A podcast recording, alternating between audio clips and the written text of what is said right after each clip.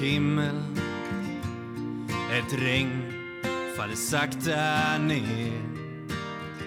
Det får mig att minnas en stad En stad jag lekte i som barn. Grågrå människor i svarta, så svarta kläder. Men jag min sorglösa dag Ett vackert minne.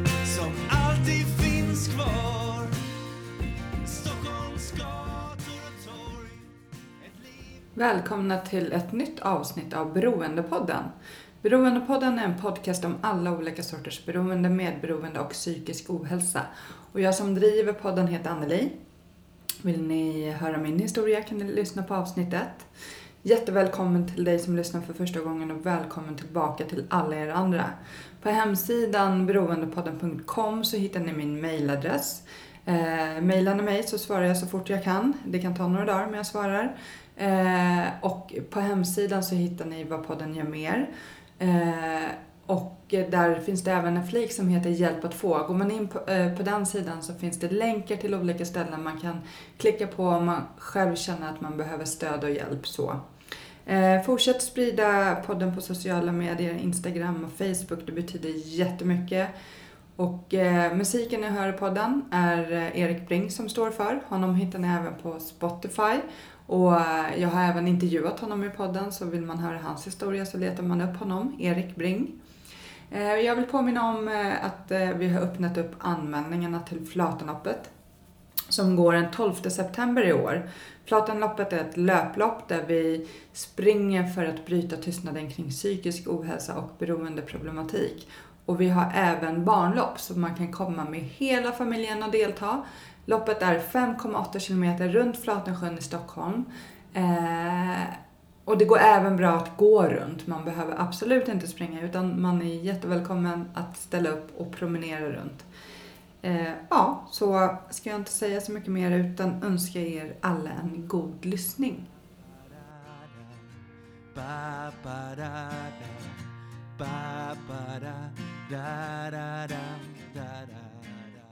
och välkommen till eh, Beroendepodden Marie Hillner. Tack. Jättefint att få sitta i Falun hos dig. Ja. I din supermysiga ja, eh, hus. Ja, säger man. stuga, kanske. Gruvstuga, säger Gruvstuga. Nästan. det- Ja. Jag blev så glad när jag kom hit för att solen lyser och det är så här röda små hus med vita knutar och jag, ah, det är så vackert här. ja, Verkligen. Jag trivs, jag trivs verkligen. Och vi har ju, vi känner ju varandra lite grann. Mm. Har träffats förut. Nu var det något år sedan. Ja, det var det. Så det, Kommer du ihåg vilket sammanhang? eh, ja, vi, vi, vi, vi måste ju säga det. Ja. Vi träffades på Svetthyddan Ja. i Fagersta Mm. som är en sån här retreat-helg med lite eh, yoga, meditation och Mm. Svetthydda som är en shamansk eh, Ritual. ritual Ja. Då man går in i liksom en hydda som är med Stenar och heta och så fina härliga oljor och Ja. man ska svettas in och svettas ut och Mm. allt vad det nu är. superhäftigt. Ja, det var härligt. Och då träffades härligt. vi. Mm. Eh, men sen så driver ju du eh, Familjekällan här i Falun. Mm. Som har blivit väldigt populärt känns det som. Ja. Eller du, det är många som kommer. Ja, det Aha. är stort behov av eh, en plattform där för Mm. Eh, anhöriga Mm. till någon med missbruk eller beroende. Ja, Mm. vill du berätta eh, lite kort bara vad Familjekällan... Ja, eh, Familjekällan är ju en, ett, ett anhörigstöd som ligger under IOGT-NTO, Mm. nykterhetsrörelsens, Mm. eh, där jag också är anställd då, Mm. som verksamhetsutvecklare. Och ehm, jag fick ett uppdrag att starta eh, ett anhörigstöd utifrån att jag tycker att det behövs ett forum för anhöriga. Mm. Eh, och det här är ju lite mer än två år sedan då som jag hade en liten kick-off med Mm. föreläsningar och sådär. Och ehm, behovet visade sig vara enormt. Så jag var inne på rätt spår helt enkelt. Rätt tanke att behovet finns och vi har resurser att ordna och mitt personliga engagemang Mm. eh, får vara riktningen så att säga. Så jag har gått på känsla, eh, skapat föreläsningar utifrån vad jag tror att folk vill höra och behöver höra. Och det har visat sig bli en liten framgångssaga. Mm. Vilket är tråkigt för att det är synd att vi behövs egentligen. Mm. men men eh, realistiskt så, så behövs det mer stöd. Mm. Mm.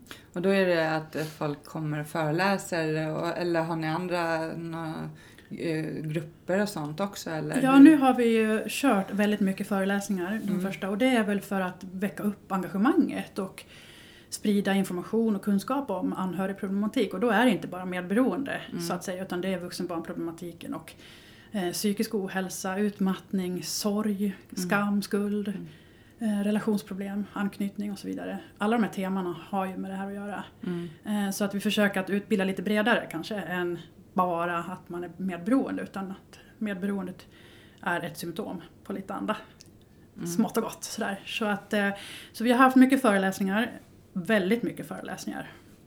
Eh, Och eh, sedan, så, sedan förra hösten så kickar vi igång samtalsgrupper också. Mm. Eh, som är öppna, man kan komma när man vill då och man behöver inte anmäla sig eller betala någonting utan det är låg tröskel. Mm. Så, och nu i vår nu så kommer vi också ha sorgbearbetning. Mm. Som jag också håller Ja. i, i Stockholm. Ja, Ja. det är helt fantastiskt. Mm. Men om man bor här i krokarna, hur hittar man er då, då? Har ni någon hemsida eller något? Eh, Hemsidan är under eh, process. Mm. Så att man hittar oss bäst, eller endast på Facebook faktiskt. Mm. Och då heter vi Familjekällan i Dalarna. Mm. Så där kan man hitta all information, alla event, föreläsningar och så. Mm.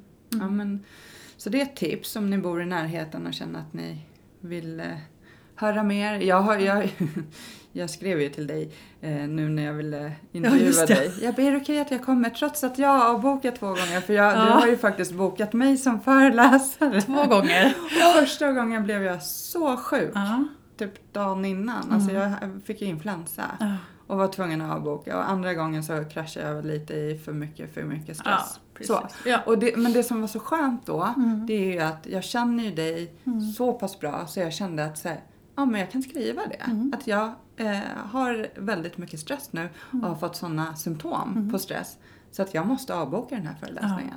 Och kände någonstans att du förstår. Absolut. Är det någon som förstår sånt så är det jag. Ja. Och jag tycker att jag uppmuntrar Mm. snarare att alltid lyssna in sig själv. Mm. eh, Och att inte köra på. Mm. Eh, Så att, och, och det har jag beredskap för. Då går jag in själv och föreläser. Eh, Jag har alltid beredskap för det. Så Mm. att, eh, men jag vill också att den här verksamheten, Familjekällan, ska eh, människor ska få växa. Mm. Så att själva processen med familjekällan tycker jag är att, komma, att gå från att komma till insikt, till exempel, om ett problem man har, till att faktiskt få kunskap om det. Och sen också bearbeta och Mm. få gå process. Eh, Och sen kanske eventuellt även vilja berätta om det öppet. Mm. Genom en, berätt, att- en life story då, eller en föreläsning. Mm. Eller också att själv leda en egen grupp eller så. Komma med en egen idé, så ska man kunna göra det där.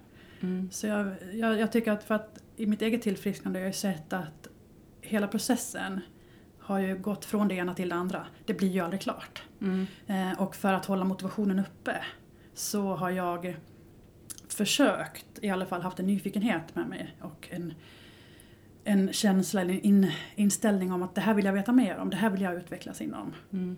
Eh, för att annars tycker jag att livet kan vara rätt tufft ibland. Så.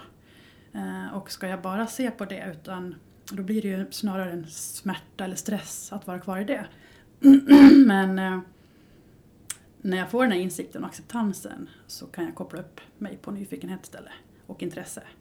Det här var intressant. Mm. Det här har jag varit med om. Det här vill jag lära mig mer av. Så, och så kan man gå vidare på det. Mm. Så det blir någon slags mening med det som man varit med om Mm. på något vis. Större mening. Mm. Är du med? Mm. Ja. Jo, och, men för du, du har utbildat dig, du anhörighets... Eller? Alltså, nej. Vad har du för, Ja. eh, Alltså, I grunden så är jag drogterapeut. Mm. eh, Ja. Och eh, jobbar ju inom behandling. Mm. Eh, jag kan väl se idag att min matchning till vilket behandlingshem jag valde att jobba på var inte den bästa. Eh, utan jag jobbade på behandlingshem där det var mycket grov, grovt missbruk Mm. och kriminalitet. Ofta med någon slags psykisk störning i. eller psykisk sjukdom eller så. Så det var ju otroligt svårt klientel för mig, den person och det som jag kommer med. Mm. Eh, Så det var svårt för mig att jobba i beroendebehandling faktiskt. Och jag tyckte att det var jobbigt. Mm. Så då bestämde jag att jag ska inte jobba med det längre. Så. Och sen så jobbar jag inom friskvård. Jag utbildar mig inom stress och hälsa. Mm. Jobbar på friskvårdsanläggning och hade stresshanteringskurser och coaching och så. Och eh, det tycker jag var otroligt intressant också. För på ett sätt så bottnar väl allt det vi, eller det jag i alla fall, eh, får symptom och lidande kring handlar väl kanske lite om stress faktiskt i grund och botten. Men eh, då tycker jag att då fick jag för mycket av det goda. Det här eh, lite... Det var för mycket fokus på det friska. Jag glömde det som sårbarheten också. Mm. Ehm, och alltså tappa lite själ i mitt arbete faktiskt till slut. Eh, och saknade att jobba med det inre. Alltså den här inre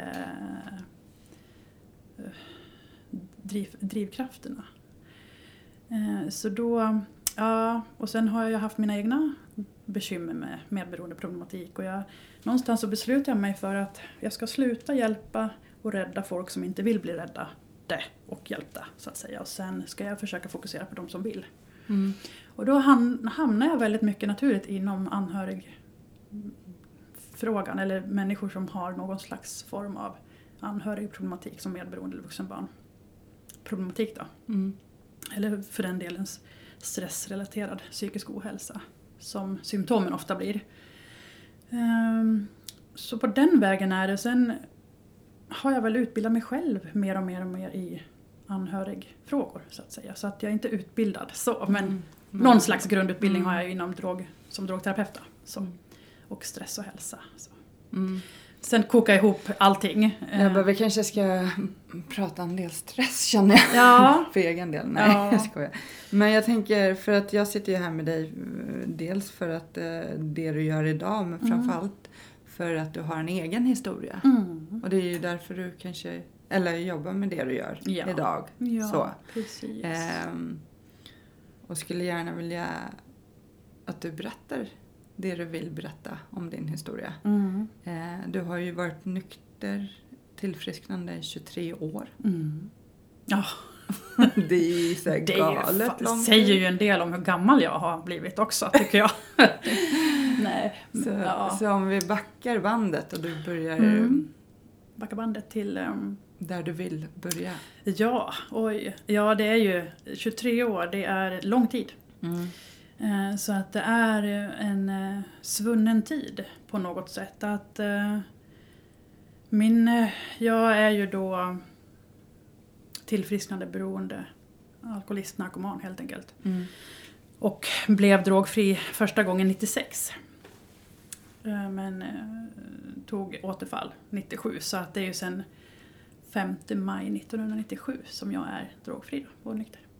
Du var 25 då. Ja, exakt. Precis. Nu kan alla räkna ut din ålder. Ja, fan. Ursäkta. Ja, nej, min historia är väl som så att jag eh, eh, växte upp eh, i en eh, vanlig, rätt vanlig familj så att säga. Mamma, pappa, bror. Eh, gick i skolan. Eh, höll på med mycket idrott och eh, det var ridning och gymnastik och det var fotboll och innebandy och allt möjligt då. Ehm, det gick väl inte så himla bra för mig i skolan.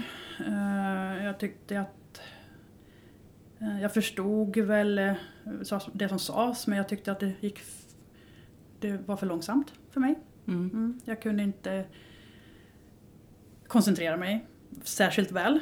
Um, dagdrömde mycket. Satt av tiden. Eh, tyckte det var roligt att leka bara och, och göra saker på rasten. Sådär. Och eh, det favoritämnena i skolan var ju de här praktiska ämnena. Mm. Som eh, slöjd, hemkunskap och idrott och de här sakerna som, gör, som eh, handlar om att försätta kroppen i rörelse snarare än hjärnan och koncentration. Eh, det här fångades ju inte upp då. Det här är ju länge sedan nu. Eh, så att eh, jag hade väl lite olika strategier för att gå obemärkt förbi detta så att säga. Så att inte heller någon skulle notera att jag smet och undvek mycket.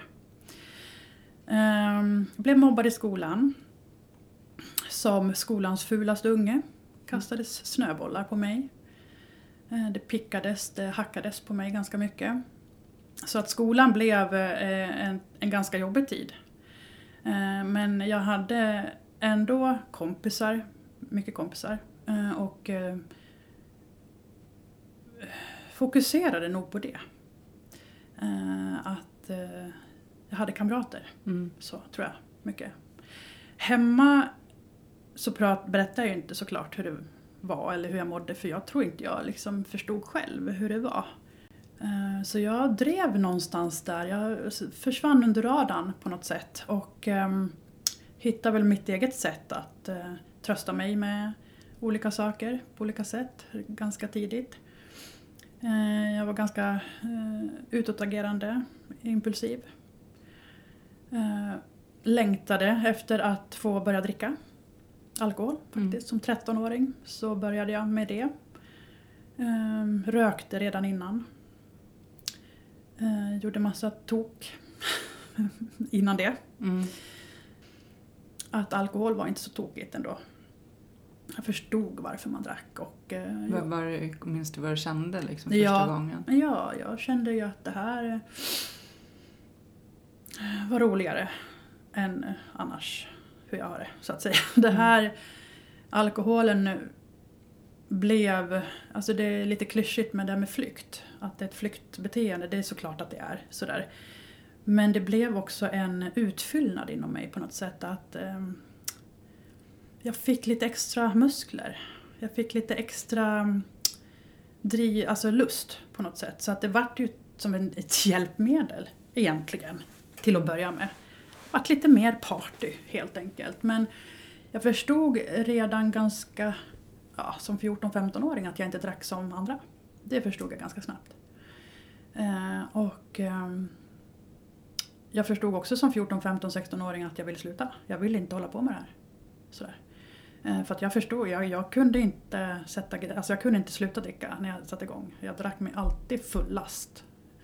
Jag fick minnesluckor och massa tok blev det efter mig. Sådär. Gick jag genom så var det konsekvenser eftersom en rökridå, mm. typ. Det är så jag minns det. jag tror inte kanske det är hela sanningen, men så kändes det i alla fall. Ehm, men eh, jag kunde sluta dricka helt plötsligt, som 19-åring. Då fick jag ett uppvaknande och fick också en otrolig... Det här är sant. Det här är sant. Då hittade jag nämligen amfetamin och insåg att jag inte var alkoholist. Mm.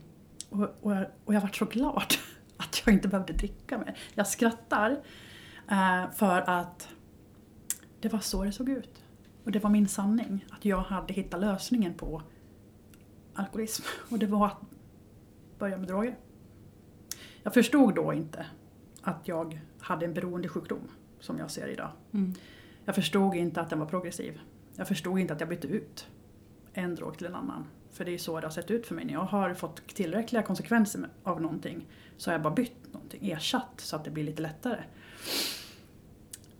Så att jag hittade då drogerna som 19-åring, alltså narkotika som 19-åring och eh, slutade väl dricka drack väl i nödfall sen efter det. Liksom, sådär. Eh, men eh, innan jag hittade drogerna så träffade jag också en, eh, en kille, mm. Jonas, som vi blev jättekära. Och han och jag slog i följe då i de här åren där jag missbrukade. Då. Så att vi var väldigt nära och jag var väldigt också, gick in i väldigt starkt medberoende till honom. Fast jag hade ett eget beroende. Um, och det var en intensiv tid. Var det. Intensiva år. Uh, och uh, min sjukdom den var verkligen progressiv. Det gick snabbt utför för mig. Mm. Jag kunde då inte se att jag var narkoman. Eh, Jag kunde då inte se min egen del i allting utan jag tyckte att Jonas var narkoman för han injicerade sina droger. Det gjorde inte jag. Alltså att jag flyttade hela tiden eh, gränserna eh, och eh, såg eh, till att hela tiden inte vara den som är beroende utan jag trodde att jag hade kontroll och sådär. Mm. var otroligt i förnekelse var det. Sådär. Och eh, det var Jonas som sa att ja, men du är också narkoman. Och då vart jag kränkt. Såklart. Jag vart kränkt förstår du. Och då var jag väldigt illa nere sådär, i Mm. drogerna. Då var jag väl en 24 år ungefär. Men hade ni, hur fungerade, alltså hur såg dagarna ut? Jobbade du eller liksom var det... Nej, jag, jag jobbade, jag, jag kunde inte, alltså jag jobbade lite korta perioder på olika ställen. Jag hade otroligt många arbetsplatser, praktikplatser och så men jag påbörjade arbeten och sen försvann jag Mm. när det inte var kul längre. Mm. Så kan man säga. Så att, och det var så här, ja, insatser från Arbetsförmedlingen och socialtjänsten och sådana där saker. Mm. Eh, ja, så att jag kan inte säga att jag gick till ett jobb och arbetade och knegade och 7 till 4 varje Mm. dag. Nej, nej. Så eh, den biten funkade inte riktigt? Nej, den funkar inte liksom. alls. Nej. Oh, nej. Men var det dagligt eh, bruk? Alltså, Ja, det blev ju det. Alltså jag, jobba, jag hade jobb, jag ska backa lite här. Jag hade jobb eh, faktiskt, kommer jag ju på nu. Men det, det var ju så att ibland, ibland dök jag ju upp påverkad såklart och det var mycket sjukskrivningar. mm. var det. Speciellt måndagar. Mm, tisdagar, sådär. Och jag hade ingen arbetsmoral och jag hade ingen insikt, in att, insikt i att det drabbade andra människor. Liksom. Utan jag hade jag inte lust eller ork att jobba då gjorde jag inte det. Mm. Det var lite på den egoistiska nivån, verkligen. Totalt självcentrerad. Så. hur, hur mådde du här? Då, du? ja, jag mådde inte så bra alls. Mm. Jag, jag visste att jag var på väg åt, åt någonting riktigt dåligt. Eh, och i, ända sedan tonåren, så där, när jag började dricka och allt det där, då jag har känt att det har funnits någonting i mig som alltid har varit en glad, levnadsglad, stark, driftig tjej i mig. Och det har känts att jag, jag kommer sluta en dag. Jag kommer sluta en dag. Jag vet bara inte hur jag ska sluta, jag vet inte när. Men det här livet vill jag inte leva. Samtidigt så var beroendesjukdomen så otroligt stark och hela tiden hade övertaget såklart. Så att, men någonstans i mig så fanns det en gnista av liv. Så. Ja, och det är väl den gnistan tror jag som har räddat mig i, i livet tror jag. Den här levnadsglada, den här livsgnistan. Mm. Men i slutet av min, mitt beroende där så släcktes den totalt. Den var borta. Det var, då, det var innan jag åkte på behandlingshemmet så, så kapitulerade jag helt. Från att ha varit lite dubbel, så här, lite dubbel, alltså många pratar om det att man har ett dubbelliv. Så här. Mm. Och det hade jag också. Eh, Men precis där innan så tog jag ett beslut att nu kör jag linan ut. Nu blir jag narkoman liksom på riktigt. Och, tapp, alltså, så, och, och då tappade jag det också helt. Då gick det snabbt. Mm. Då började jag också med lite tyngre metoder så att säga. Men sen eh, kom du in på ett behandlingshem. Var det frivillig eller blev du... Den resan var väldigt kraftfull. Det var, då hade vi ju isolerat oss, jag och Jonas, under lång tid. Eller lång tid, jag har ju inget tidsbegrepp egentligen i den här. Men det var dåligt med oss och vi hade isolerat oss och våra föräldrar var på oss som iglar. Och det var så besvärligt tyckte vi. Eh, Så vi stängde in oss och slutade svara. Eh, Och ehm, dagen innan så hade mina föräldrar varit till oss. De hade ringt och vi hade inte svarat. Så att då var de plötsligt där bara utanför på gården och jag fick gå ner och då hade jag en psykos faktiskt. Mm. När jag går ner där och pratar med dem. Och där ställer de ett ultimatum att jag ska in på avgiftning eller följa med dem hem. Eh, Och det fanns droger kvar i i lägenheten så jag... För de sa upp bekantskapen med mig då. Mm. Och jag valde att acceptera det. För jag hade droger kvar i lägenheten. Eh, Så då, men men det, den grejen kändes i mitt hjärta kan jag säga.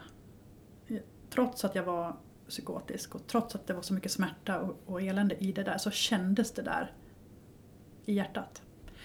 Att de sa hej då till mig.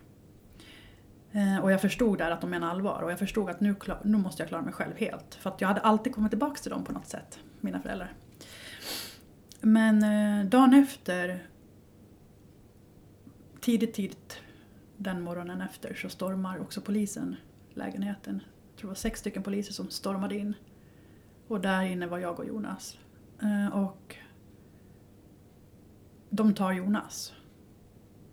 Och bryr sig inte alls om mig.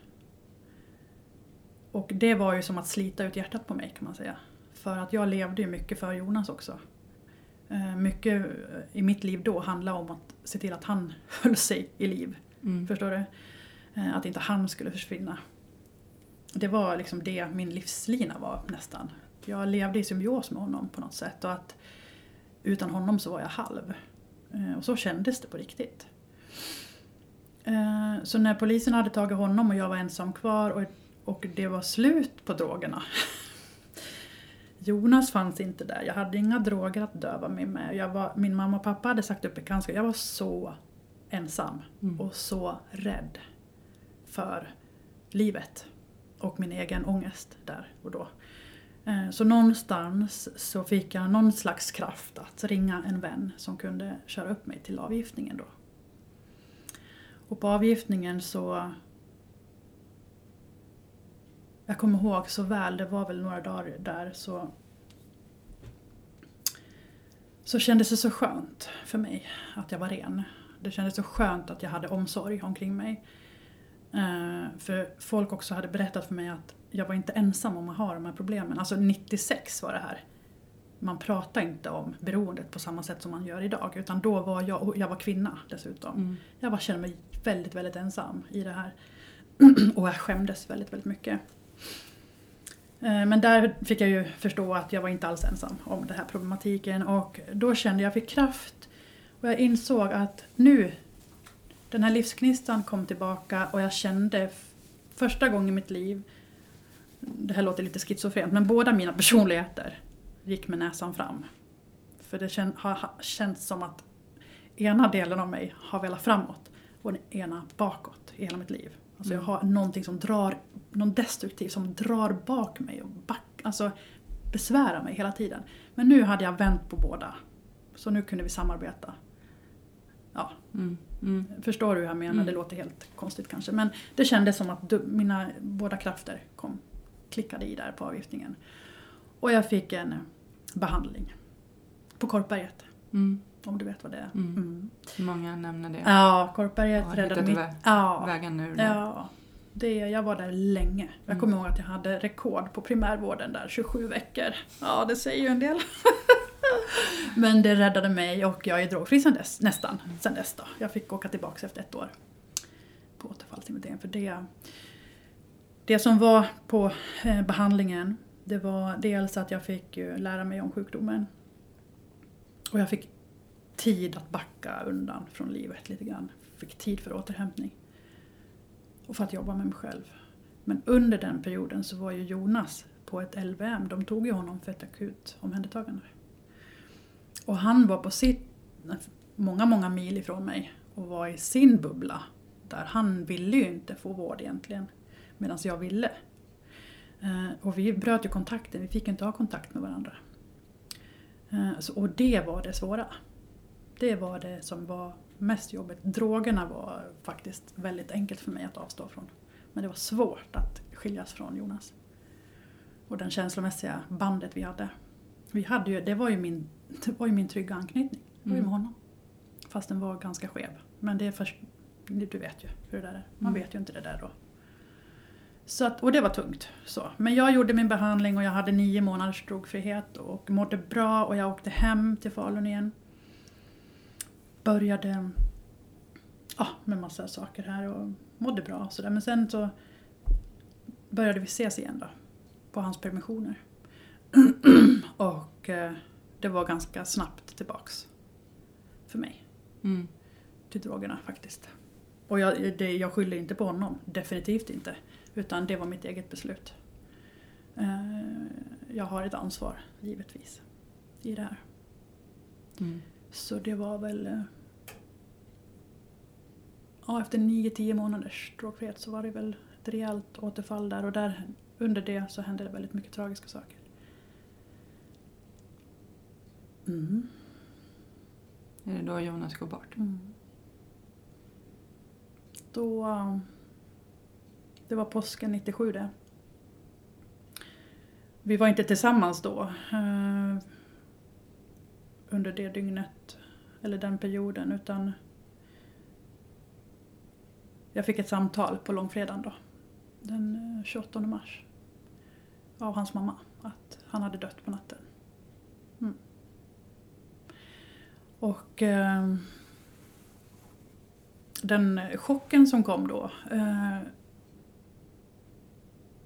väckte upp mig på något sätt i slutet ändå. Jag, jag vart inte klar med drogerna direkt kan jag inte säga utan jag fick nog hålla på en månad till med drogerna för att gå ner mig igen och nå, nå botten igen så att säga. Och klara av begravning och sånt där. Men sen så ringde jag till eh, min handläggare på socialtjänsten och sa att jag behövde få åka upp igen då, till behandlingen. Och på den tiden så var, det, var, de- var man mycket, mycket generösare med tid då. För, för behandling och så. Jag är så tacksam. Jag vet inte om jag hade klarat mig annars. Om inte jag hade fått åka iväg. Men då också vetskapen om att Jonas, det enda Jonas ville det var att jag skulle må bra. Att det skulle gå bra för mig. För han var så imponerad för att jag klarade min behandling. Och han var jätteglad och han tyckte inte om att jag var ute igen och använde Mm. Nej, det tyckte han inte om. Och lite kraften av det gjorde att jag orkade kämpa på då. Och förbli drogfri sedan dess. Mm. Ja, gud vad fruktansvärt att vara, mista sin... Mm. Ja, det var ju min livskärlek då. Mm. Det var ju det. Fick du någon eh, hjälp med sorgen, traumat kring det som hände då? Nej, det är ju så lite grann... ehm, nej, jag, jo, alltså egentligen, jag åkte ju tillbaka till behandlingshemmet och gjorde en återfallsinventering. Mm. Jag fick titta på mitt återfall. Och i det där fick jag också givetvis sörja för vad jag liksom i, i det. Men jag tror att jag var så chockad, jag förstod inte. Jag förstod inte vad som hände eh, faktiskt. Ehm, och det kanske är tur det. Så att inte sorgen hade kidnappat, kidnapp, kidnappat mig helt. Så att säga. Mm. Eh, men ehm, lite grann eh, idag, utifrån det jag jobbar med idag, så är ju en utav anledningarna till att det brinner och månar om anhöriga, det är att de blir lite ensamma. Alltså lämnade i allt, allt tok som händer runt en som är beroende. Jag tänker på när, man, eh, när en missbrukare blir omhändertagen till exempel. Det finns ju alltid anhöriga Mm. runt om som inte kanske får den hjälp och det stöd som behövs. Som när poliserna kom och, och stormade lägenheten där för oss. Eh, Det var ju en otrolig upplevelse för mig då.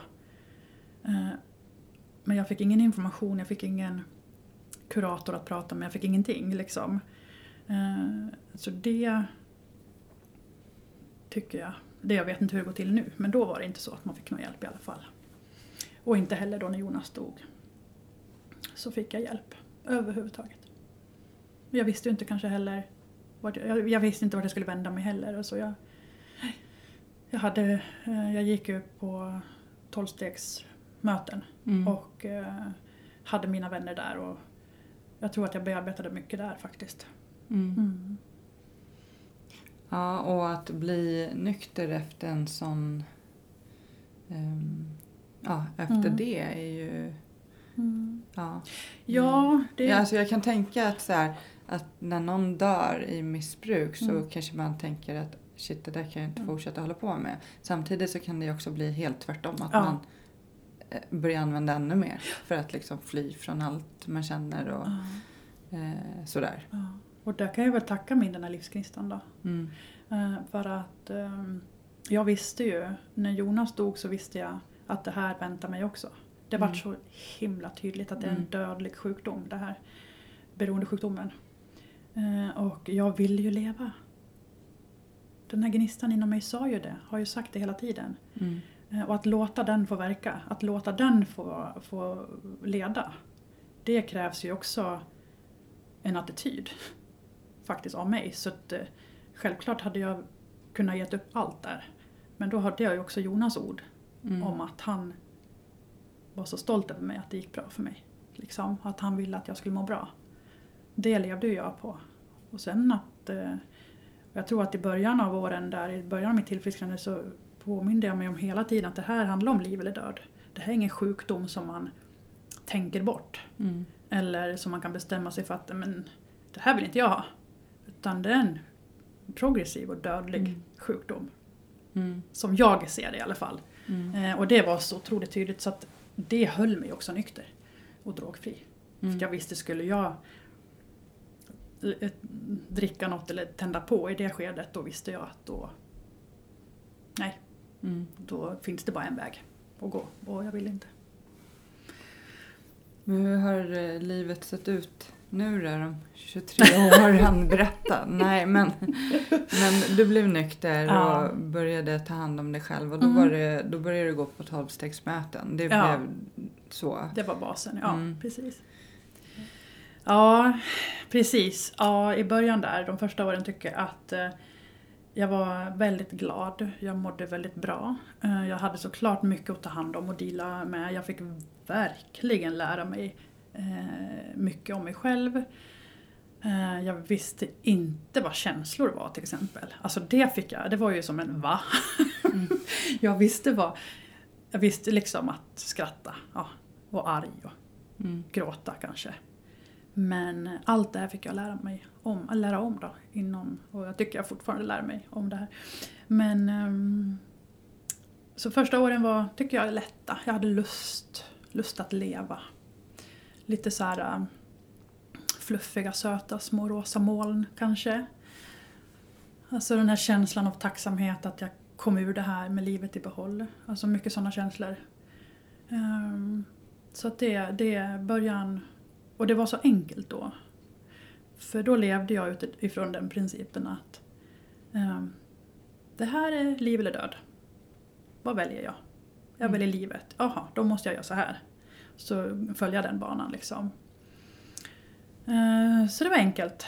Eh, men eh, givetvis så hade jag ju känslor och jobbiga tankar och så. Men jag tyckte ändå att jag kunde...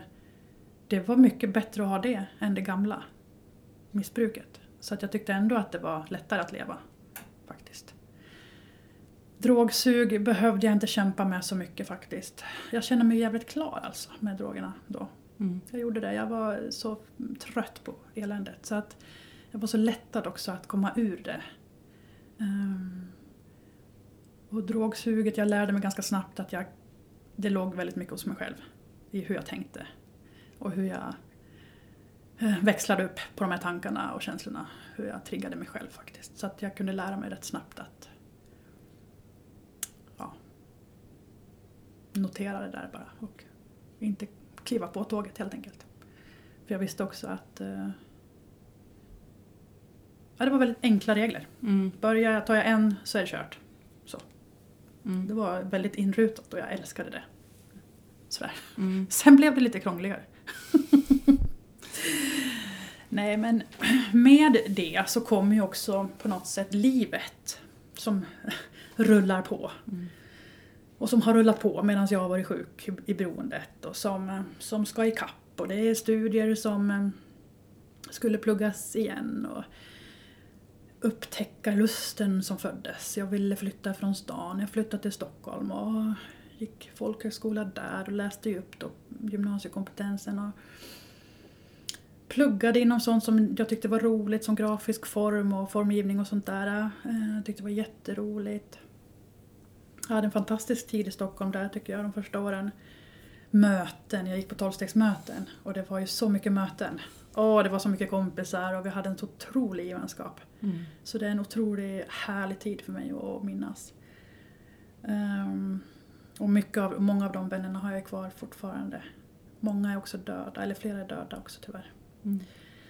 Ehm, men jag träffade ju min dåvarande, eller blivande man då också. Då hade jag varit drogfri i, ja, fem år kanske. Eh, och vi fick snabbt barn. Eh, oops. Mm. Men vi visste att vi ville leva med varandra så att det var, det var bara härligt tycker jag. Mm. Eh, ja, när jag var gravid eh, med mitt första barn där då runt 99, år 2000, 00-talet. Vad säger man? Mm. Ja, fan det är 20 år sedan. så- Åh gud. Ehm, då, Jo, 99. ni- 99. hon föddes 01. 01. Ja, Mm. ja. Mm. Så jag var gravid där, eh, vart gravid 00 ja, precis. Mm. Mm. Hur som helst så... Då började en ny tid tycker jag i mitt tillfrisknande. Eh, och det blev något nytt i mitt liv. Dels så kom jag av mig lite kring att vara en tillfrisknande beroende endast. Tyckte jag att jag, där hade jag ju byggt upp mig kring. Nu skulle jag bli mamma. Mm. Mm. Nu var det något nytt. Nu ska jag hålla liv i en unge också. Eh, och det som hände hormonellt med min kropp har jag förstått var inte jag riktigt beredd på. Jag är väldigt känslig för hormoner. Alla former av hormoner och signalsubstanser. Det här har jag fått lära mig på senare år, så att säga. Men då hade jag ingen aning. Det blir en otrolig sårbarhet för mig. Så, jag blir väldigt påverkad. Eh, och det, när jag var gravid så hände det någonting som påverkade mig. Det var, kan man säga, tillitstrauma som påverkade mig väldigt, väldigt mycket. Utan att jag då heller kanske riktigt förstod hur mycket. Mm. Jag var gravid och jag skulle vara lycklig. Och jag var glad också, men det, det började hända saker i min hjärna. så det har jag förstått att sårbarheten med alla hormoner plus det som hände ehm, gjorde att det skapade och triggade igång någonting eh, med psyket. Så jag började få ångest. Eh, och eh, jag blev väldigt rädd av mig, osäker. Det ledde till en depression. Mm. Och då en ganska tung och svår depression. Och jag, fortfarande på den tiden pratade man inte om psykisk ohälsa överhuvudtaget. Så, så att det jag trodde, det var att jag var en bero, beroende då. En tillfrisknande beroende. Men jag var inte duktig tillfrisknande beroende. Jag hade inte gått på tillräckligt många tolvstegsmöten. Jag hade inte skrivit tillräckligt i stegen Mm. och så vidare. För jag trodde, man, pra, man pratar inte om psykisk ohälsa då. Alltså ö, nej, utan då skulle man göra lite mer inventering bara. Så, mycket Jo. okunskap då, mm, som tack och lov har förändrats. Men eh, jag känner mig så ensam i det här. Och så dålig. Blev det då skam att du mådde dåligt? Ah. Att du inte... Ja. Mycket skam och mycket skuld. Mm. Sådär. Eh, framförallt också den här, eh, min självkänsla sl- som jag hade byggt upp då under de här första åren. Som jag hade fått själv, en god självkänsla igen. Mitt självförtroende var på topp. Och jag hade hopp om livet och sådär. Sen bara raserades det sakta lite. Sådär. Ja, jag förstod fasiken inte vad som hände. Jag förstod inte då att jag var sjuk. Så. Jag såg mig inte som sjuk överhuvudtaget. Utan jag såg mig som en tillfrisknande beroende. Mm. Jag såg mig ganska frisk. Men det var någonting som var helt galet med mig. Ehm, och jag bollades mellan, när jag sökte hjälp där så bollades jag mellan beroendemottagningen och psykiatrin. Beroendemottagningen som en, du har ju varit drogfri i många år. Du tillhör inte beroendemottagningen. Och fick bollas tillbaka. Nej men din problematik handlar om beroendet. Så du får gå tillbaks till beroendemottagningen. Och så där höll det på. Mellan stolarna hamnade jag. Och insåg att det finns ingen hjälp heller att få. Så. så det som ledde till det där då, den där tråkiga tiden var ju att det var att eh, jag fick en, eh, alltså den här eh, utmattningsdepression fick jag diagnosen. Och jag jag blev sjukskriven till och från och jag jobbade ju på behandlingshem då. Jag hade också utbildat mig till drogterapeut under den här tiden. Så det var mycket som hände, verkligen. Eh, och idag förstår jag ju mycket om stress. Eh, och jag förstår ju att jag var otroligt stressad i, det där läget, i den där fasen av livet. Nybliven mamma, läser en treårig alltså, utbildning på högskolenivå. Eh, kommer från ja, några år drogfrihet då. Och, och knappt veta liksom riktigt den här inre tryggheten, jag hade den inte. Mm. Så det var så otroligt mycket som pågick i mitt huvud. Så. Och jag kan väl kanske säga att jag inte hade så mycket känslomässig förankring. Faktiskt. Ehm, ja, men ehm, i den där vevan så, så, kom, så fick jag träffa en jättebra läkare. Det är ju så också att man får träffa många olika läkare. Testat ut olika mediciner som jag skämdes för. För att äta medicin och gå på tolvstegsmöten var ju inte riktigt eh, rumsrent då kan jag säga.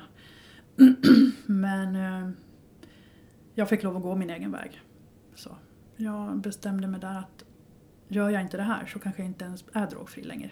Så, eh, så att eh, jag träffade en jättebra läkare och hon sa men Marie du ska inte jobba med det här nu. Du ska inte jobba på behandlingshem, det är inte bra för dig. Och det är den första personen som såg mig. Mm. För hon insåg vad som hände med mig när, när jag också var med i, i den här behandlarrollen. Hur mitt medberoende triggades igång kring andra klienter. Hur jag var den duktiga terapeuten. Den terapeuten som man ville ha. Därför att jag hade ju en otrolig inlevelse. Person, alltså, och ett engagemang i personen. Jag kunde inte... Jag gick in med mitt eget, eh, min egen person som, i rollen. Och det här hjälper ju män, människor, så andra människor i behandling för att man får en anknytning. man får en känsla. Men vad händer med mig? När jag själv inte har anknytningen i mig. Mm. Det är att jag tappar mig själv helt i andra människor. Och där såg den här personen, den här läkaren. Jag sjukskriver dig, du, du behöver separera dig från den här rollen. Alltså det är inte så att jag var helt besatt, det låter lite, men i mig pågick det ju. Eh, jag älskar ju att vara duktig. Det är det bästa jag vet. Så att jag, mitt ego fick ju en boost och eh, självkänslan fick muskler utifrån fel eh, input kan man väl tycka. Sådär. Bekräftelse och sånt. Nice. Så. och jag är ju ganska stark av mig så jag drev ju mig i det här också. Ehm, utan att ställa mig frågan vad är det jag behöver egentligen? Nej men jag, det här vill jag, då kör jag. Så. Hon, läkaren sa i alla fall, jag sjukskriver dig i sex månader nu ser du. Jag bara, what? Vad fan ska jag nu då? Så då går jag hem till min eh, barnets pappa. Så säger jag, alltså det här, jag fick ju processa några dagar förstås, men nu, nu flyttar jag hem. Nu flyttar vi hem till Falun ser du. Nu har vi fått nog av den här storstan. Den är farlig, den är jobbig. Nej, men eh, jag såg att eh, det hade också pågått något år så att jag hade längtan hem faktiskt. Jag ville hem till mina föräldrar och anknytningen här. När man får barn, när jag fick barnet, mitt älskade barn som jag levde för mycket. Jag ville hem. Mm. Så. En lite naturlig drift där på något vis sätt, i mig i alla fall. Och då fick jag ju när jag varit sjukskriven så länge, för de hade ju sjukskrivit mig i så här små portioner och 25 och 50, 75 och hållit på att dutta. Men då såg jag, men nu har jag ju möjlighet faktiskt att bara landa och se vad är det jag behöver i mitt liv egentligen. Snarare än vad jag vill. Och jag behövde hem. Jag behövde hem, jag behövde bara chilla ner. Jag behövde pausa lite grann livet. Och få hjälp. Jag mådde inte bra, jag var inte frisk. Pågick ju, apropå dubbelspel, dubbelliv. Jag, utåt sett så såg det nog rätt bra ut. Men i mig så var det inte bra alls. Så jag kommer hem och min eh, dåvarande sambo då, han nappar ju på idén att flytta till Falun, tack och lov. Så att, eh, men han behövde slutföras, alltså säga upp sig. Och, så att han kom lite efter, tre månader efter. Så vi flyttade hem och jag um, fick hjälp. Lite grann. Eh, fick lite utredningar och sådär inom psykiatrin. Mm. Eh, och fick lite diagnoser. Lite som man tyckte kanske. Ringade in mina symptom och, och sådär. Eh, Vad fick du för diagnoser? ja, Om du vill. ska vi öppna godispåsen? liksom.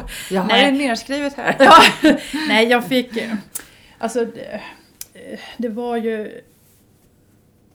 Och mycket... Ja, men jag, jag fick borderline där. Mm. Ehm, och jag fick generaliserat ångestsyndrom. Och jag fick... eh, Ja, utmattningsdepressionen hade jag innan men sen va- vart det egentlig depression. Tror jag det hette. Utreddes för bipolaritet. Men det, den, den uppfylls inte. Mm. Ehm, jag kan väl säga så här. Eh, utifrån det jag var i då, den stressen. Eh, och det oerhörda behovet av att veta vad det är för fel på mig. För jag har hela tiden sökt fel. Hela tiden sökt riktning i vart, i vilken kategori, vilket fack kan vi lägga Marie i så att jag vet hur jag ska förhålla mig till livet. Eh, och, och jag tycker att um, diagnoser är väl kanske bra, sådär, men det hjälper mig ju inte egentligen. Det blir en förståelse för uh, problematiken och jag kan um, Ja men okej, check på den. Nu vet vi det. Nu går vi vidare. Eh, för jag har ju heller aldrig fått riktig hjälp med grundorsakerna till varför det är så här med mig. Och med den kunskap jag har idag så, så har jag varken borderline eller egentligen kanske någonting annat. Jag vet inte. Utan det har ju... ehm, det är ju symptom. Mm. Mm. Eh, och den enda diagnos som jag har fått för 12 år sedan som jag har börjat acceptera, men som jag inte har velat ha och inte tyckt om, det är ADHD. Mm. Eh, och det var väl också väldigt skönt att få det bekräftat egentligen. Att, Varför har du haft så svårt att acceptera Nej, alltså jag vet det gudarna. Det har varit otroligt svårt för mig och det... Eh, jag, har, jag hör vad du säger, Mm. lite grann.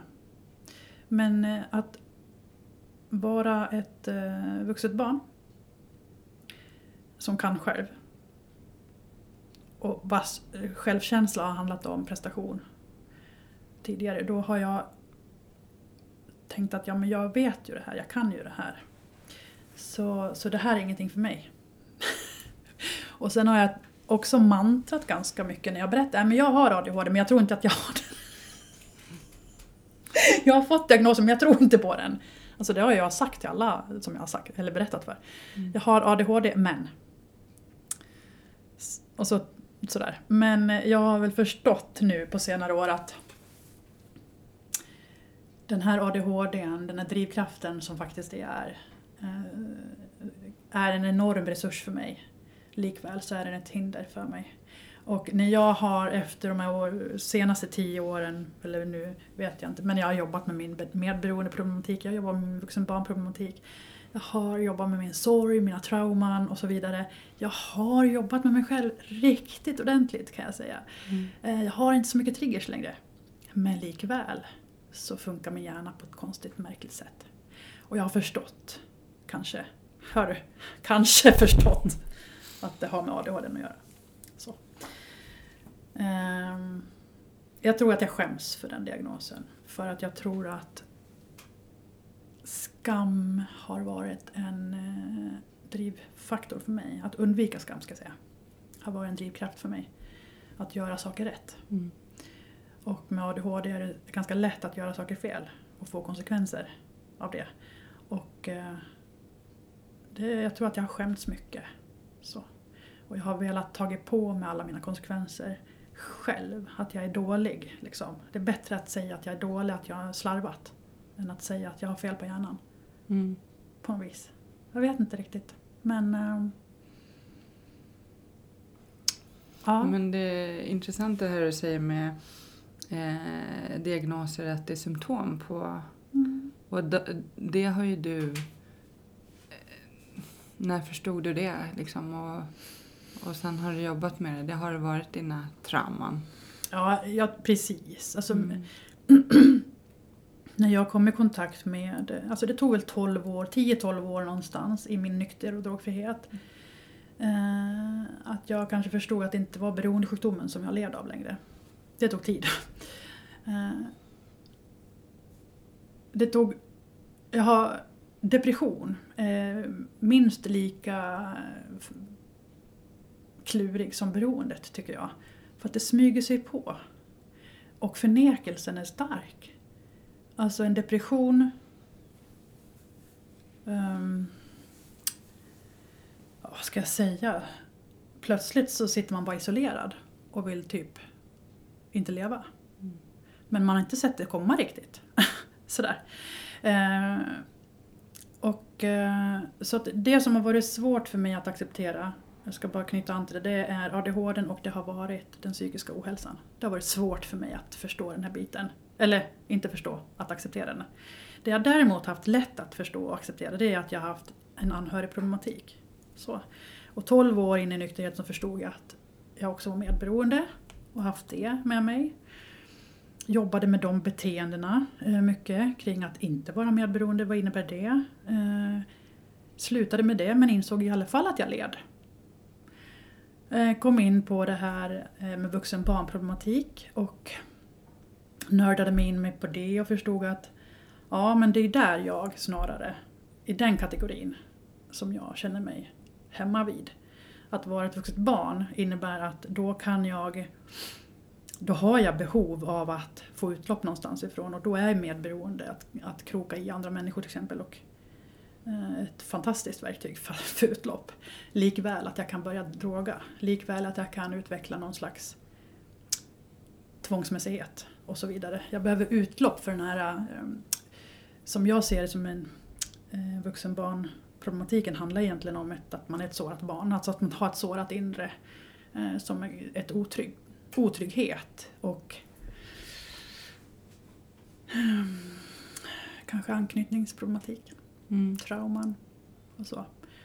Och att allt det här innebär de här överlevnadsstrategierna. Eh, som att undvika till exempel rädsla, att undvika skam, att undvika. Eh, och att genom att undvika så har man kontroll istället. Mm. Ligga steget före. Eh, att, eh, att räkna ut. Eh, och, och, och, och hela tiden vara på tårna. Sådär. Ehm, och jag förstod inte varför håller jag på så här? Vad, vad är det jag är rädd för? Vad är det som driver mig? Eh, till att undvika, vad är det som driver, varför, varför är jag så rädd för att misslyckas till exempel? Varför är jag så rädd för att få kritik? Varför är jag så rädd för att känna skam? Så. Och då så förstod jag att ja, okej, likväl så är vuxenbarn, alltså vuxna barn för, för, för de som inte riktigt vet vad det är, det är ju ett begrepp egentligen Mm. som kommer utifrån tolvstegsrörelsen. Så. Eh, och det, det handlar om barn som växer upp i dysfunktionell miljö egentligen. Eh, men det är ju också att vara ett vuxet barn är ju återigen ett symptom på någonting annat. Likväl medberoende ett symptom också på någonting annat. Så som jag ser det, det här är bara hur jag ser det här. Ehm, och då kommer vi till ehm, det som jag tycker är så intressant. Och det är vårt enorma nervsystem som vi har i hjärnan. Mm.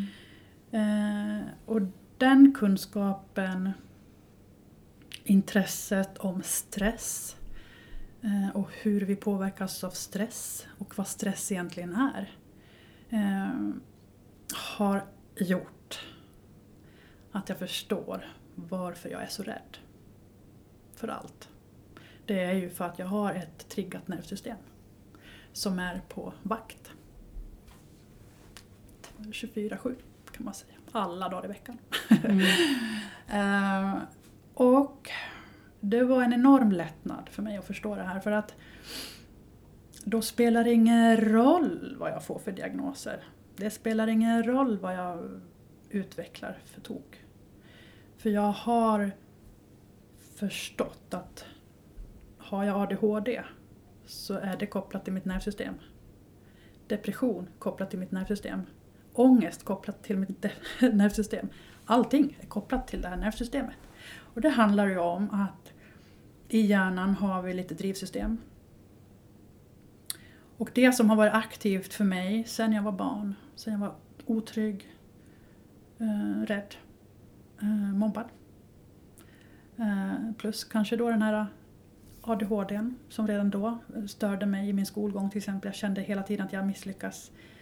Eh, så har jag då den här sympatiska nervsystemet som går igång på stressen. Och eh, det heter sympatiskt nervsystem. Eh, Det är överlevnadsinstinkterna och det här och det är inte alls sympatiskt. Egentligen så är det sympatiskt om man säger så här för att syftet med det är ju att hålla oss vid liv eller rädda oss från faror. Mm. Så att egentligen är det riktigt sympatiskt faktiskt. Snällt av hjärnan att arbeta på det här viset. Men Eh, det som händer med den långvariga stressen det är ju att eh, kognitionerna och eh, den här lite modernare delen av hjärnan där vi faktiskt kan samla information och granska den och värdera den och sortera ut vad är viktigt eller inte. Det, den delen trubbas av lite grann vid långvarig stress. Så all information bara går in, går in, går in, går in och triggar. Och, och sänder ut stresshormoner som gör att jag måste vara på min vakt. Mm. Lite så här undvika faror. Räkna ut vart kommer nästa fara. Hur ska jag undvika den? Och då är det ju det här vi blir ju påverkade av allt, alla våra sinnen till exempel men även minnen, eh, känslor, tankar. Allt det här triggas igång och då förstår man också hur, eller jag förstår hur mycket jag själv kan påverka det här genom att tänka om mig själv, mentalisera om mina tankar.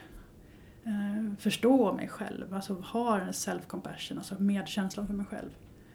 Och det har ju inneburit väldigt mycket, eller det är stor skillnad på mig idag med mitt, mina triggers med, och hur jag triggas igång på andra saker. Nu än för något år sedan, måste jag säga. Det är jätte, jätte stor skillnad. Och då... Gud, jag pratar på här. Mm, Fortsätt, Alltså jag det- tycker det är jätteintressant. Ja, men det här tycker jag är jättekul. Mm. Eh, för att eh, när jag förstår det här så kan jag återigen förstå det med mitt huvud. Så, och det är en första steg. Eh, men sen då? Mm. Återigen så hamnar man kanske där att ja, men jag triggas ju i alla fall. Och då ska man veta igen då att min kunskap är, är ingen immunitet för mina känslor eller att jag ska reagera på saker, utan det gör jag ju ändå. Och då, så om man, som jag har haft ett överaktivt eh, sympatiskt nervsystem faktiskt. Ehm, dels på grund av trauman, det jag har varit med om, mitt beroende, för att inte tala om det, hur stressande det är att inte vara aktiv narkoman och alkoholist, herregud. Och anhörig, herregud vad man får se mycket saker som man behöver bearbeta och så. Och all stress och, som har blivit depressioner och ångest och, och bara ha, ha en ADHD-diagnos, bara det är en stress i sig. Så jag har förstått att jag, mitt, eh, det här systemet, det röda systemet i kroppen, eller hjärnan, alltså det här alarmerande systemet, aktivt. Och nu vet jag det. Men hur... Det, gör, det hjälper ju inte att jag bara vet det. Mm. Och det är väl lite grann där att, ja jag vet att jag har ADHD. Nu checkar vi av den, men det har fortfarande påverkat mig väldigt negativt under flera år. Så det spelar ingen roll att jag vet det. Men eh, det sympatiska nervsys- nervsystemet har ju också ett, ett, en, en kompis kan man säga. Eller de ska bli vänner. Det är det parasympatiska nervsystemet. Alltså lugn och ro-systemet i hjärnan. Eh, och det, egentligen är det det systemet som vi är, kanske som ska vara grunden för oss. För att vi ska kunna må bra, och för att vi ska kunna tänka och för att vi ska kunna ta rätt beslut och så. Ehm, och då är det faktiskt så att vi själva, eller jag själv kan påverka att, gå. Och det systemet, nu inspireras jag väldigt mycket av någonting som heter self-compassion. Tipsa om att läsa om det. Men där bygger man upp eh, hjärnan röd zon, grön zon och blå zon. Alltså det är de här tre drivkrafterna som man pratar om då. Den röda zonen är stress, det sympatiska. Det gröna är parasympatiska, lugn och ro. Och sen har vi ett blått system som jag tänker komma till snart. Men det parasympatiska, det lugnar, det är bromsen. Om det röda systemet, gas, då är det gröna, broms. Och det gröna vill man sträva efter att vara. Och då vet jag att vi till naturen dras väldigt mycket till det gröna. Vi vet instinktivt, jag kan titta på dig bara. Du vet hur du ska hamna i det gröna systemet. För du, Anneli, du går ut i naturen. Mm. Du har din motion, din, din, Mm. din, din kropp som du sätter i rörelse för att hamna där. Eh, och jag instämmer med det. Kroppen är otroligt viktigt för mig att jobba med. Eh, men eh, det snabbaste sättet att sänka alltså det här röda, alltså stresssystemet, det är ju andetaget egentligen. Långa, djupa, härliga, medvetna andetag. Och att, ehm, för då talar vi om för, eh, för kroppen att det är lugnt, det finns inget hot här, jag har kontroll. Du kan lugna dig. Tack för informationen, det röda systemet, men jag har koll. Sådär. Eh, Det gröna systemet, lugn och ro-systemet, långsamma promenader. Alltså för att, och det, det är ju yogan och det är löpning och det är många, på många olika sätt kan vi påverka att hamna mer i det gröna. Ehm, Värt att notera här är att har man varit i det rö- röda för länge så kan det gröna stressa. Så att det blir att, att, att sätta en überstressad person i en yogaposition, då får man ju slagsida, eller hur? Då behöver man kanske ta en, ett lite utlopp, för, alltså att kanske liksom träna först då kanske. Mm. Eh, För att sen kanske komma ner i varv. Så att det här är ju så högst individuellt tycker jag. Men eh, sen har vi det blåa intressanta systemet och det är ju motivationssystemet. Intresset, nyfikenheten. Eh, som ADHD-person så drivs man av, eller jag ska säga, jag har varit mycket det röda och det blå. Eh, stress, alltså motorn, du vet det här. Och sen, och sen så får man någon slags konsekvens och så blir man upplyst. Bara, Jaha, nej men det här är jag nyfiken kring. Och så går in i blå systemet och driver på. Det här ska jag lära mig mer av. Det här, åh nu ska jag behärska det här. Åh vad duktig jag blir. Åh det här är roligt. Oj oj oj. Och så nördar man. Och, så, och så blir det inte kul längre. Så då går vi över och, och, och, till det röda igen då. För att då har man slagit, fått en slagsida igen liksom. Så det blir någon slags tok. Ehm, så utifrån det här, nu blir det mycket prat om det här, men eh, det har fått i alla fall mig att förstå att jag kan påverka hur jag mår och hur jag lever på ett helt annat sätt än att fokusera på alla mina symptom. Mm. Nu vet jag. Det spelar ingen roll vad, hur, jag, hur jag mår eller vad, hur jag beter mig och så vidare. Utan jag vet vad, vad det är som styr hjärnan. Och det är våra hormoner och signalsubstanser. Och hur jag kan påverka det. Förut till exempel, jag sa att jag är känslig för hormoner. Mm. Det är könshormonerna då, progesteron och östrogen egentligen. De två kvinnliga. Eh, och när jag... Nu är jag, men du har ju räknat ut min ålder, jag är liksom lite sådär, ja ni vet sådär övergångsåldern. Så väldigt påverkad av hormoner. Eh, och när man går till läkaren med det här så utreds man återigen för symptomen jag kommer med. Jag mår dåligt, jag känner ångest, jag upplever depression, jag vill inte leva. Eller ja, ni- du Mm. fattar. Mm. Gå till läkaren och de sätter in SSRI till mig. Och jag säger att kan det ha med hormoner att göra? Va? För då pratar jag med allmänläkare eh, som bara har syfte att få mig att må bra nu. Titta inte på grundorsaken. Eh, sen går man till kanske en gynekolog och säger jag har de här besvären. Eh, och så får man hjälp med, men det finns ingen koppling. Inget, inget samtal däremellan. Så eh, jag har förstått Idag har jag faktiskt hormonersättning, det kan jag villigt eh, säga. Jag har både östrogen och progesteron och mår jättebra på det. Och jag äter ingen antidepressiv medicin. Jag behöver inte det för att det är balans i mitt liv. Mm. Jag mår bra på det. Eh, Men när jag tog antidepressiv mot mina hormonsvängningar, jag mådde jättedåligt. Jag fick såna Mm. eh, biverkningar. Och då vill man prova att höja. Och jag sa nej, vi tar bort dem. Jag, jag ska prova en annan sak, sa jag.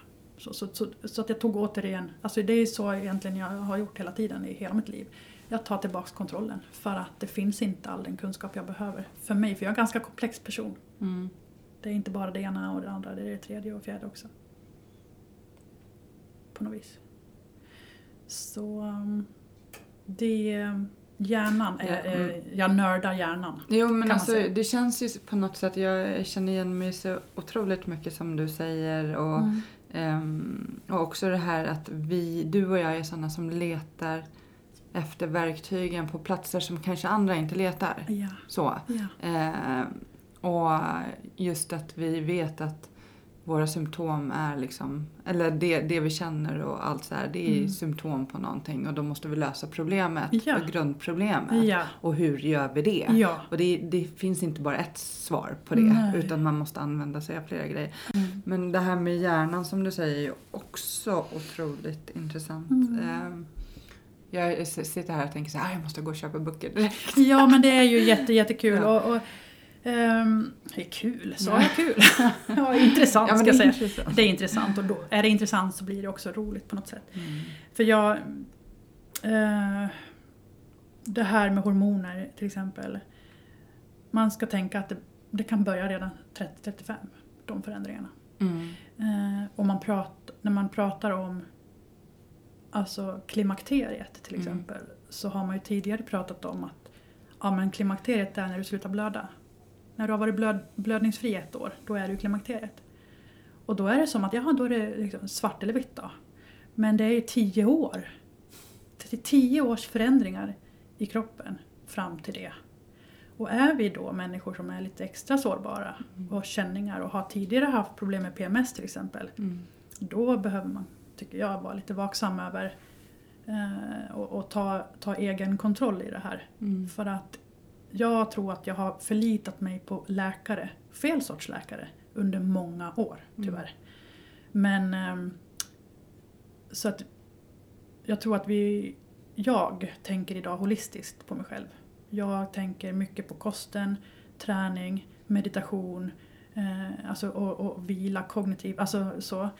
Eh, för jag, jag behöver olika inslag liksom av Mm. av, av saker som hjälper mig. Och jag tänker också på eh, nervsystemet, att, att lugna det. Att eh, låta det få vila.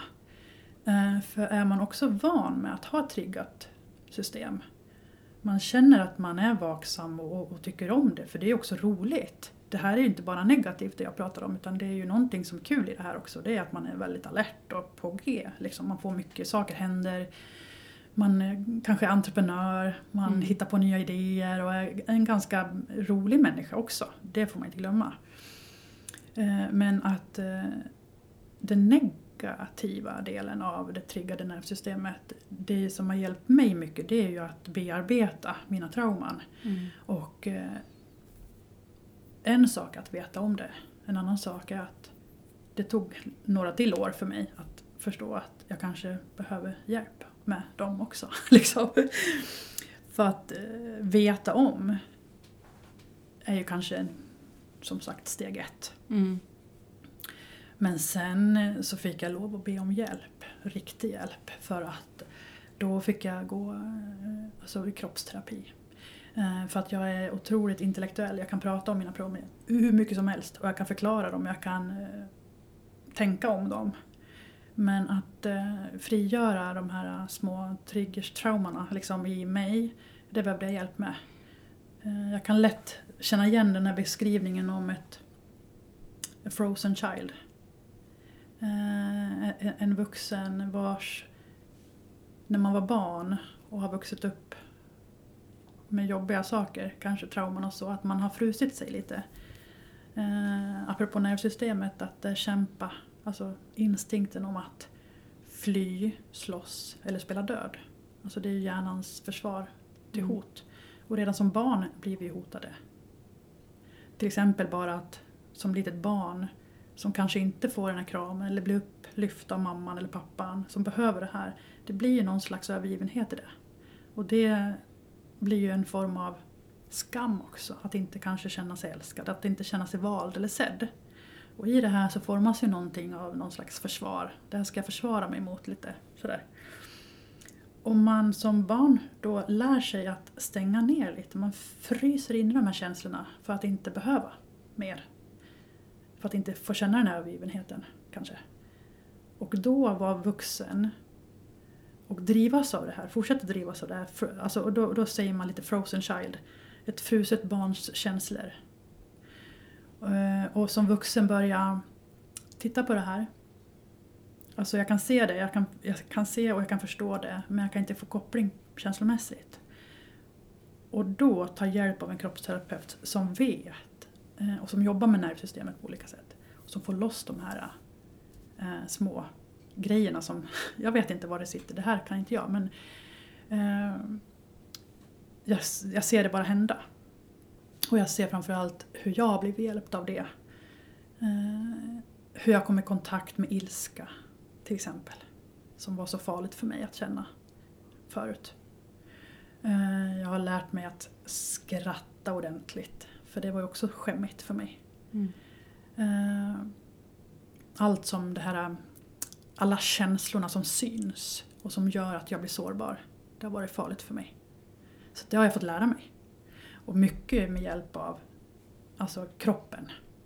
Att försätta kroppen i olika lägen. Att, att, att ha ett svärd till exempel, att slå, att, att skrika, kanske liksom ro, du vet det här att trycka ut känslorna och minnena.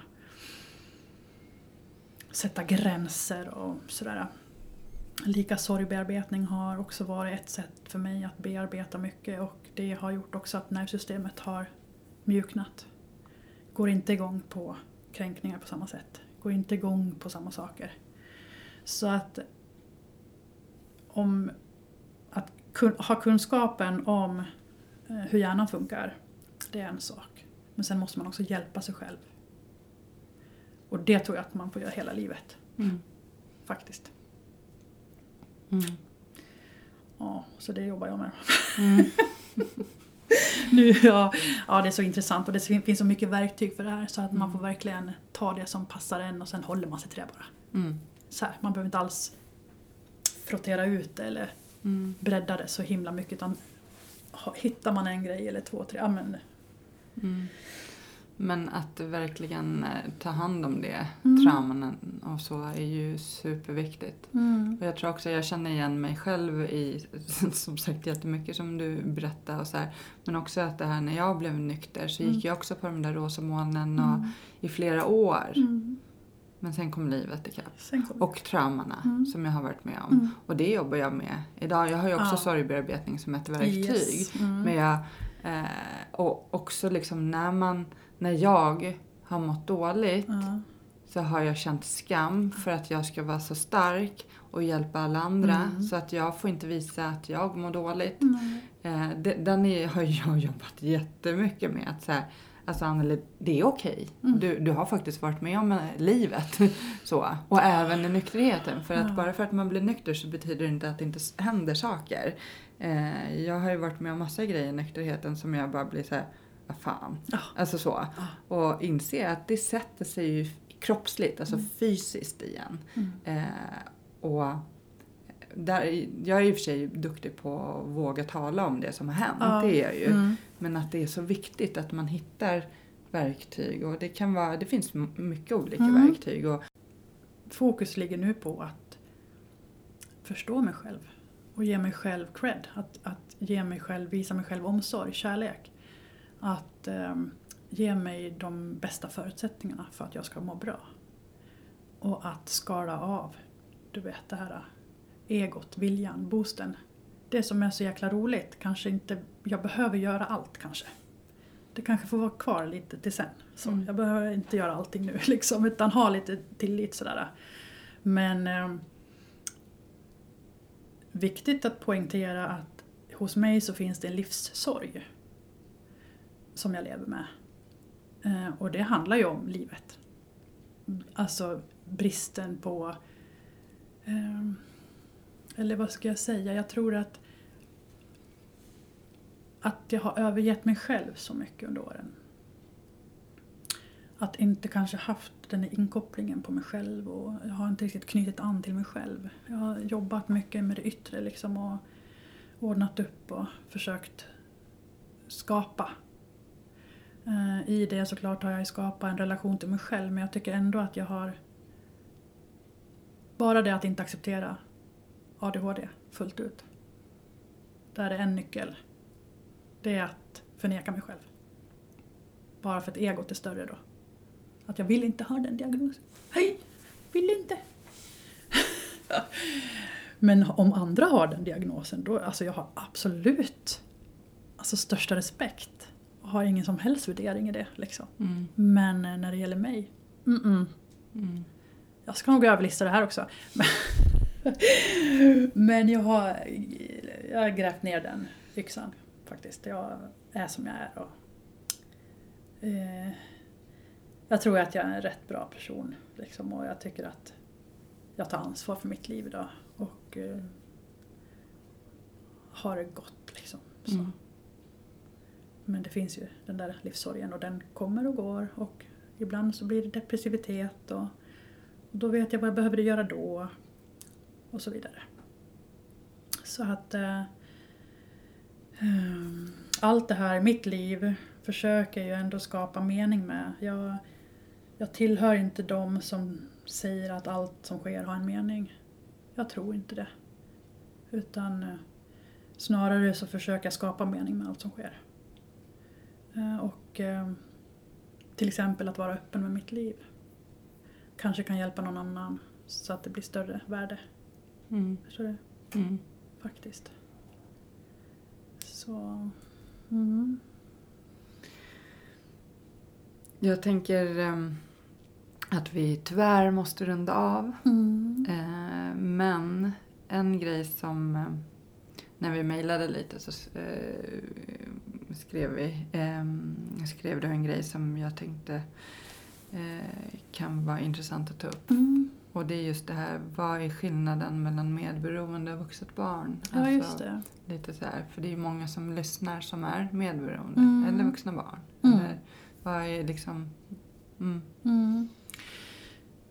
Jag fick lov att skilja lite på det där då, för min egen del. eh, För att förstå och begripa vad det är jag håller på med och och vad det är jag pratar om. Och eh, märkte också ganska tidigt när jag började föreläsa om det att människor kunde relatera. Eh, Och det är att, att vi, alltså jag tror att det medberoende är mer en beteendeproblematik som har med andra människor att göra. Alltså anknytningar och så. Och bristen på egen, in, ja, vad ska man säga, egen anknytning till sig själv. Så. Eh, och att man tar det lite för... Att jag kan jobba med mitt medberoende till andra. Men, vad, men när jag slutar att vara medberoende till andra så jag fortfarande min problematik kvar. Är jag fortfarande då medberoende? Mm. Medberoende. Det borde vara kopplat till en annan människa. Eh, och då pratar man ju att medberoende är, ja men det är ju också när du känner så här, när du drivs av, av det här. Eh, och då kopplar jag det till när drivkraft, när vi pratar om drivkrafter, då, då kan jag inte låta bli att komma till vuxenbarnproblematiken istället. Eh, Och att drivkrafterna till att vara medberoende har det här beteendet som kontroll och bekräftelse och, och passa på och rädda och hjälpa och allt vad vi håller på med.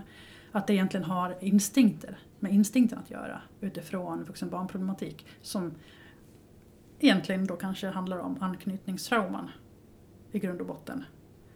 Eh, och en eh, känsla av att skapa värde i mig på något sätt. Och kanske undvika saker som jag pratade om tidigare.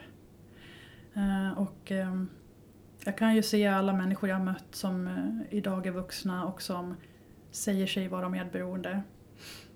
Eh, att eh, de flesta känner igen sig i vuxenbarnproblematiken och att medberoende är ett medel. Alltså ett, ytterligare en, ett strå ut liksom. Ett, förstår du vad jag menar? Mm.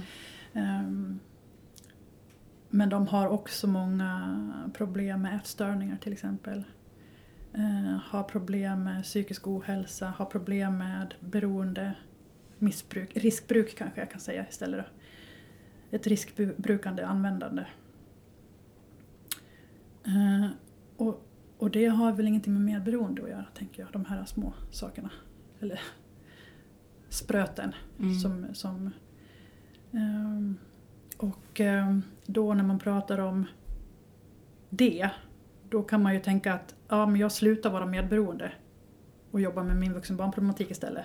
För då när jag jobbar med den problematiken, då blir det inte lika aktuellt att vara medberoende. Då vill jag inte vara det längre. Då kan jag se, jag kan lättare få fatt i min egen självkänsla, mitt självvärde och sätta gränser. Jag kan ta reda på mina behov, vad jag har för behov och vilka människor som jag ska undvika. Och vilka jag ska dras till liksom.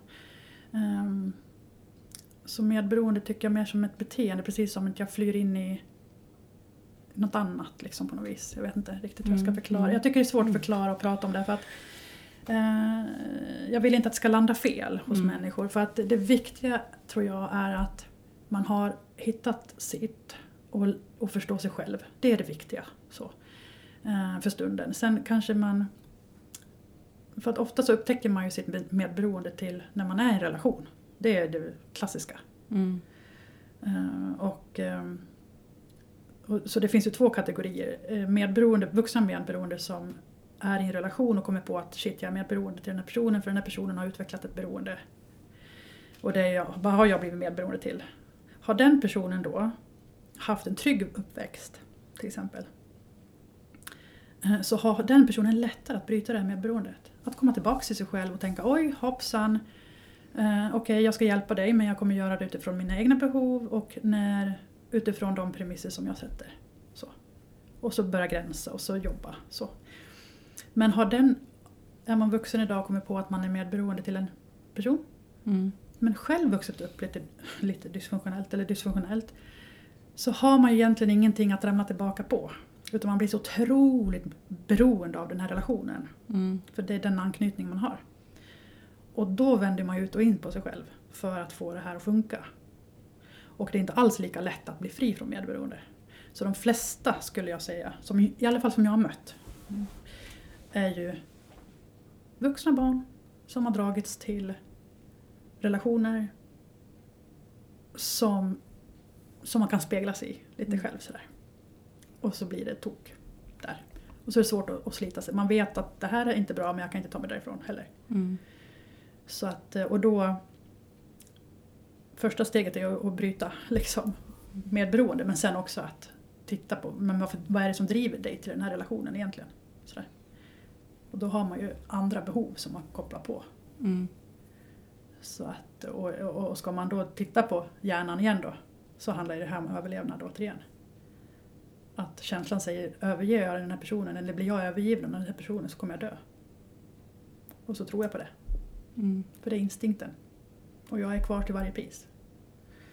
Sådär. Och, och, och ha en förmåga då att, att få hjälp och, och be om hjälp och, och få, få lite luft i hjärnan. Få hinna tänka så att man inte bara går i reaktion hela tiden. För det blir det, reaktion, reaktion. Ehm, det röda nervsystemet. Sympatiska, jag ska hjälpa dig, jag ska rädda dig. Mm. Håll dig kvar här så är det lugnt. Eh, Så man ser den kortsiktiga belöningen, kortsiktiga lösningen. Men man står i alla fall och i samma konsekvenser. Så att där behöver man ju hjälp att bara få zooma ut, ta därifrån och betrakta lite, mentalisera kring det här. Lugna det röda, gå in i nyfikenheten kanske. eller motivationen, intresset att driva sig själv. Ja, men jag är intresserad av mig först. Jag måste tycka att jag är mer intressant än den här relationen. Jag måste bli nyfiken på mig själv. Hur funkar jag här? Varför gör jag sådär? Eh, och skapa lite mer intresse hos mig och drivas av det blå systemet.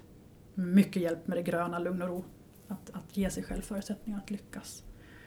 Så, men det är svårt. Mm. Det är jättesvårt. Speciellt när man är i den där medberoende relationen. Och man har ett triggat nervsystem som bara löper på. Som bara säger liksom, jag måste ha kontroll, jag måste ha kontroll, jag måste veta, jag ska. Bara han gör så, bara hon gör si, då blir, blir det lugnt. Mm. Mm. Bara den här personen blir hjälpt, bara hon slutar dricka, bara han kommer på behandling, bara han låses in. Då ska jag andas ut. Och det är ju pågående trauma egentligen. Stress och trauma. Så det är inte konstigt att vi kanske mår dåligt då. då. Och få, viktigt att, att vara snälla mot, själv, åt oss själva i det här, Mm. tycker jag. Och få en större förståelse, större begrepp. Att det egentligen vi är det, vi håller på att överleva bara. Liksom. I, för, bara för att knyta an till familjekällan igen som vi började med. Mm. Så, så familjekällan ska ju vara den eh, plattformen där man kan skapa utifrån behov. Så att eh, i höst så kommer vi ha en föreläsning om hur det är att vara förälder med någon med krim- kriminalitet och missbruk. Mm. Men också den tjejen kommer också att ha grupper för föräldrar. Mm. Mm. Mm. För att behovet är så stort. Sen har ju kommunen också grupper. Och det finns eh, på nätet utbildningar. Men jag, precis som du säger, jag tror att det här med att, att ansluta sig till andra med samma problematik, samma utmaningar i livet. Det tror jag har varit så otroligt avgörande för mig. I alla mina processer, alla mina bottnar så har jag velat förstå och, och träffa likasinnade. Mm. Eh, Det tror jag är ett, ett läkemedel faktiskt. Mm. Ett läkande medel, så Mm. kan man väl säga. Eh, Så att man inte står själv och att förstå att man är verkligen inte själv heller och man behöver inte skämmas. Verkligen inte. Utan det här är ett samhällsproblem i stort. Så, här. så att... Mm. ehm, ja. Mm. Men tack så jättemycket att, eh, att jag fick komma hit Mm. och höra din historia. Och all lycka till i framtiden. Tack snälla och tack för att jag fick vara med i en jättebra podd. Jätteviktig podd. Kanske vi ses på Svetthyddan i framtiden. Ja, det gör vi.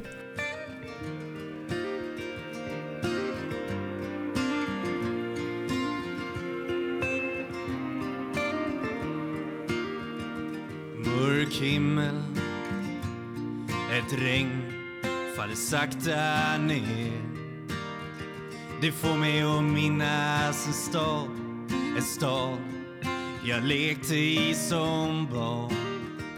Grågrå människor i svarta, så svarta kläder.